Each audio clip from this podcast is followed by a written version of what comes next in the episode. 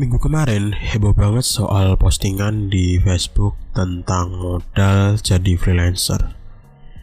Di situ ada postingan dari salah satu kreator Instagram besar. Dia menyebutkan bahwa modal dia jadi freelancer itu membutuhkan biaya yang besar, bahkan ratusan juta. Lalu ada seseorang yang membagikan ulang postingan tersebut di grup besar desain di Facebook.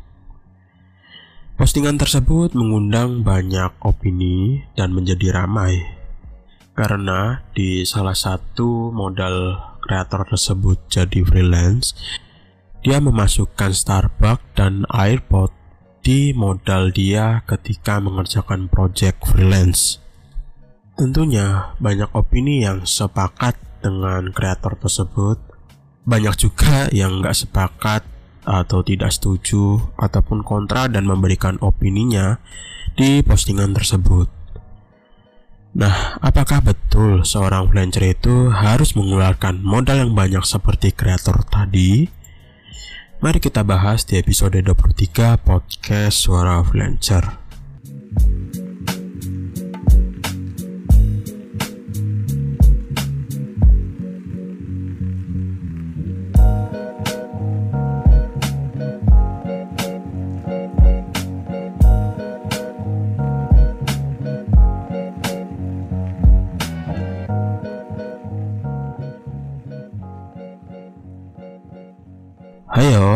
Kembali lagi dengan aku di Feb, host kamu di podcast Suara Freelancer.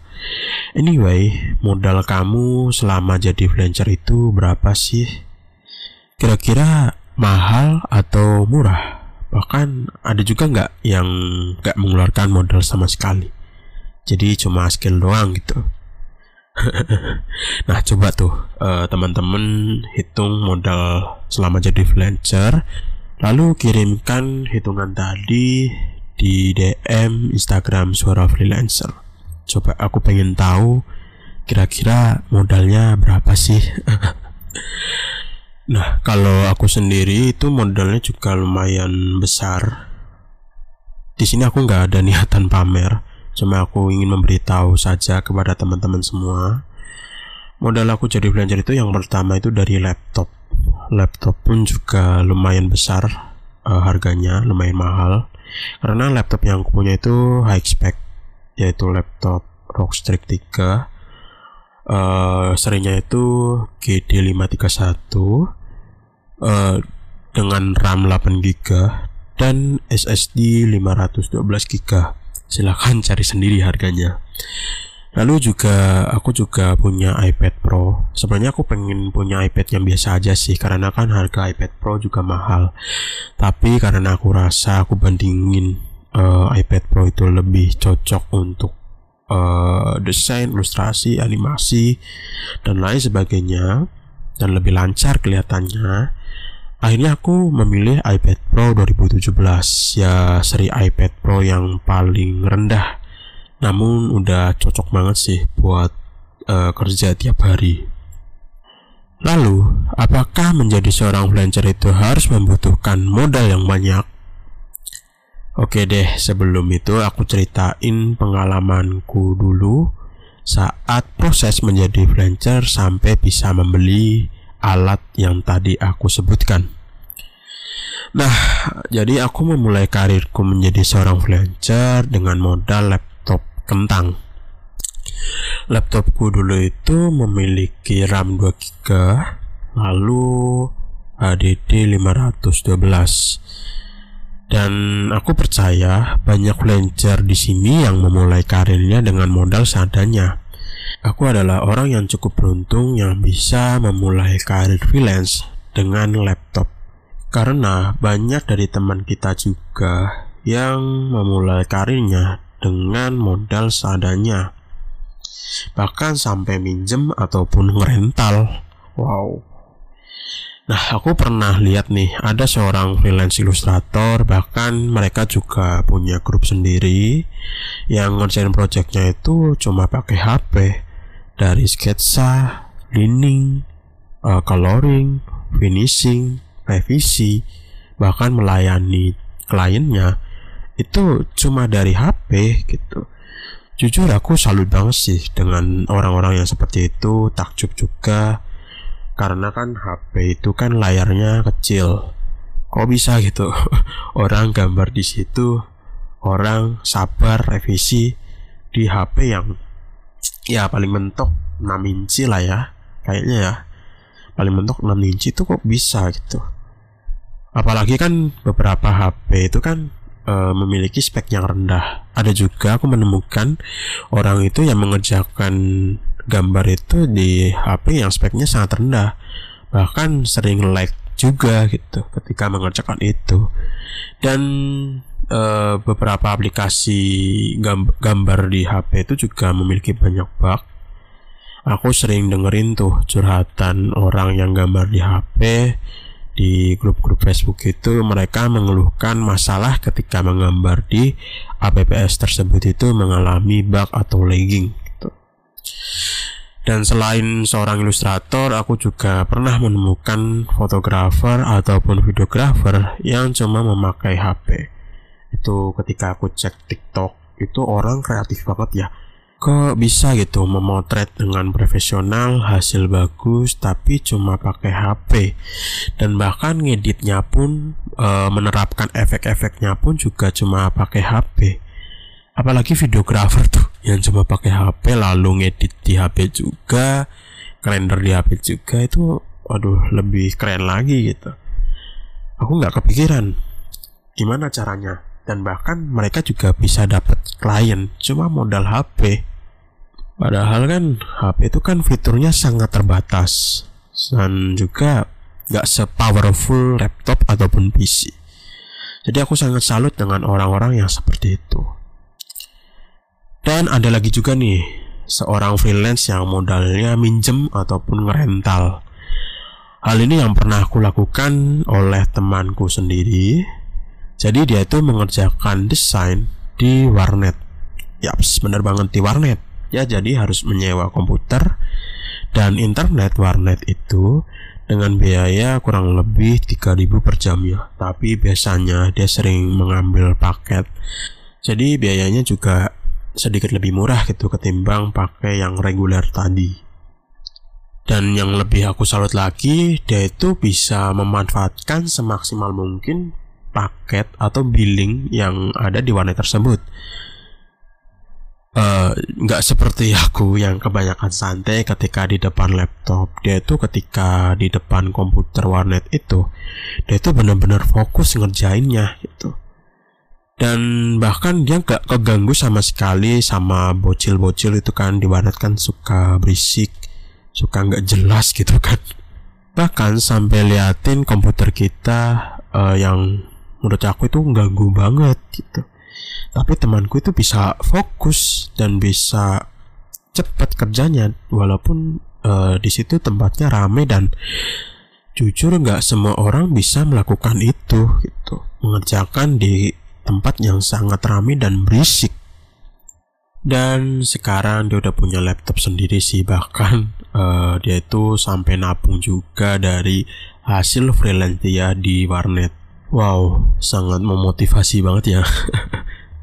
Dan aku pernah juga menemukan kasus freelance uh, fotografer. Jadi kamera itu dia minjem dari rentalan ya sekitar 100 sampai 150 ribu lah per hari ya. Dengan jaminan KTP tentunya ya. Namun aku salutnya di situ dia pede dengan uh, skill yang dia punya walaupun kameranya minjem gitu. Jadi mekanismenya itu dia minta DP dulu tuh ketika ada project. Nah DP itu digunakan untuk nyewa kamera di tempat persewaan. Lalu untuk sisanya lalu dia bayarkan ketika project itu selesai. Dan jadi gitu ya teman-teman. Bisa disimpulkan bahwa alat itu bukan segalanya yang terpenting adalah skill yang kamu punya. Jadi buat temen ya yang baru terjun, gak usah minder dengan alat atau device yang kamu punya, karena itu adalah penunjang saja. Nah pertanyaannya nih, apakah fungsi alat yang bagus apabila alat yang seadanya tetap laku? percuma dong kita beli mahal-mahal mengeluarkan banyak uang gitu kan kalau yang laku ujung-ujungnya yang seadanya oke jadi bukan gitu ya. Jadi selain jadi modal alat itu juga bisa jadi penunjang ketika kamu mengerjakan project. Dengan mempunyai alat yang bagus dan mahal, maka pekerjaan yang kamu kerjakan jadi lebih lancar, meminimalisir problem, semakin bagus, cepat, efisien, dan terlihat profesional. Dan secara tidak langsung, kamu bisa mempunyai potensi lebih besar untuk mendapatkan penghasilan yang lebih banyak lagi. Karena ketika kamu mempunyai alat yang bagus tadi, maka produktivitas kamu juga semakin naik ya walaupun itu juga tergantung dengan diri sendiri. Nah, bayangin jika kamu memutuskan tidak membeli atau tidak mengupgrade alat yang kamu punya menjadi lebih bagus. Tentunya kamu akan tetap mendapatkan problem yang sering kamu alami seperti lag, crash, error, kena virus mungkin, dan lain sebagainya.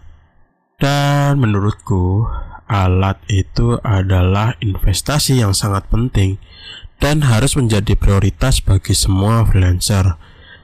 Jadi ketika kamu punya uang lebih dan bingung mau investasikan ke mana, cobalah untuk uh, investasikan ke alat kerja kamu dulu. Seperti mengupgrade alat yang sudah kamu punya, membeli yang lebih mahal, atau kamu punya alat yang memang belum kamu miliki, lalu ketika kamu membeli alat tersebut, maka produktivitas menjadi naik. Itu juga boleh. Pokoknya ya, apa yang kamu butuhkan dan kamu belum punya, cobalah untuk membeli itu gitu ketika kamu memiliki uang yang lebih. Namun ingat, jika dirasa sudah cukup dan kamu sudah bisa mengerjakan proyek dengan lancar dengan alat-alat tersebut, stop Jangan terlalu berlebihan juga untuk menginvestasikan uang ke alat kerja kamu. Masih banyak hal lain yang harus diinvestasikan, terutama untuk kesehatan, pikiran, dan masa depanmu. Dan juga, kamu harus mempertimbangkan sebelum investasi alat kerjamu. Karena itu jadi percuma apabila kamu investasi terlalu mahal ke alatmu, namun kamu jarang banget dapat project. Atau dapat project ya cuma kecil-kecilan gitu. Jatuhnya rugi dan mubazir. Karena kembali lagi seperti poin sebelumnya yaitu alat adalah modal. Maka jika modal yang kamu keluarkan untuk membeli alat-alat yang mahal namun pendapatan kamu sedikit itu juga menjadi rugi teman-teman karena yang namanya alat itu kan memiliki masa pakainya sendiri. Jadi seminimal mungkin alat yang kamu punya harus memiliki masa pakai dengan masa garansi. Jadi semisal uh, kamu membeli laptop nih dengan garansi 2 tahun. Jadi ya seminimal mungkin laptop yang kamu gunakan ya 2 tahun gitu. Nah, masa terbaiknya itu adalah jika alat yang kamu punya itu memiliki masa pakai 2 sampai 3 kali dari masa garansi. Jadi semisal garansinya 2 tahun, jika masa pakainya itu bisa sampai 4 sampai 6 tahun, itu bagus banget sih alatnya. Jadi bisa dibilang alat itu bukan modal lifetime ya, itu salah. Jadi alat itu punya masa pakai dan harus di-maintain dalam jangka waktu tertentu. Jadi alat yang kita punya itu nggak mungkin kita bisa pakai selamanya. Kadang bisa rusak, bisa hangus, bisa usang, atau nggak bisa dipakai lagi kayak laptopku sebelumnya. Jadi walaupun laptopku itu nggak rusak parah, tapi karena speknya itu rendah dan nggak bisa diupgrade lagi, mau nggak mau ya harus beli baru gitu. agar bisa digunakan dengan software-software terbaru, terupdate dan bisa memperlancar mengerjakan project yang aku dapatin dari klien. Jadi ya kamu harus hitung dulu tuh sebelum kamu membeli atau menginvestasikan uang kamu ke alat-alat kerjamu. Pastikan kamu bisa mengembalikan modal itu dalam jangka waktu tertentu. Ya kalau bisa sebelum masa garansi habis lah. Pada intinya modal mau ratusan juta, mau miliaran, mau triliunan it's okay asalkan project yang didapatkan juga sebanding gitu. Jadi ya kreator tersebut yang mengeluarkan modal ratusan juta untuk mengerjakan project juga ya nggak apa-apa. Asalkan project yang didapatkan juga sebanding kalau bisa ya lebih tinggi gitu kan. Jadi itulah ya teman-teman soal modal jadi freelancer terutama alat jadi nggak harus jadi freelancer itu mempunyai alat yang bagus dan mahal. Kamu juga bisa jadi freelancer dengan modal seadanya asalkan memiliki skill yang mumpuni. Tapi ketika kamu sudah mempunyai uang lebih, ya prioritaskan ke alat kerjamu dulu. Karena alat tersebut bisa dibilang aset produktif yang kamu punya untuk mendapatkan penghasilan yang lebih banyak lagi. Tapi ingat, jangan lupa untuk menghitung kembali sebelum membeli atau mengupgrade alat kamu. Jangan sampai kebablasan dan berakhir rugi. Oke, jadi begitu ya. uh, jika teman-teman ada pertanyaan atau kerjasama, boleh banget langsung DM Instagram Suara Flancer. Jika ingin mendukung Suara Flancer, caranya sangat gampang Tinggal klik follow atau subscribe pada kanal Suara Flancer di platform mana pun. Dan teman-teman juga bisa follow Instagram Suara Flancer karena di Instagram update tiap hari untuk membantu kamu bagaimana bisa jadi flancer yang profesional. Cukup sekian dari saya di Febrianto, host Suara Flancer. Sampai jumpa di episode berikutnya.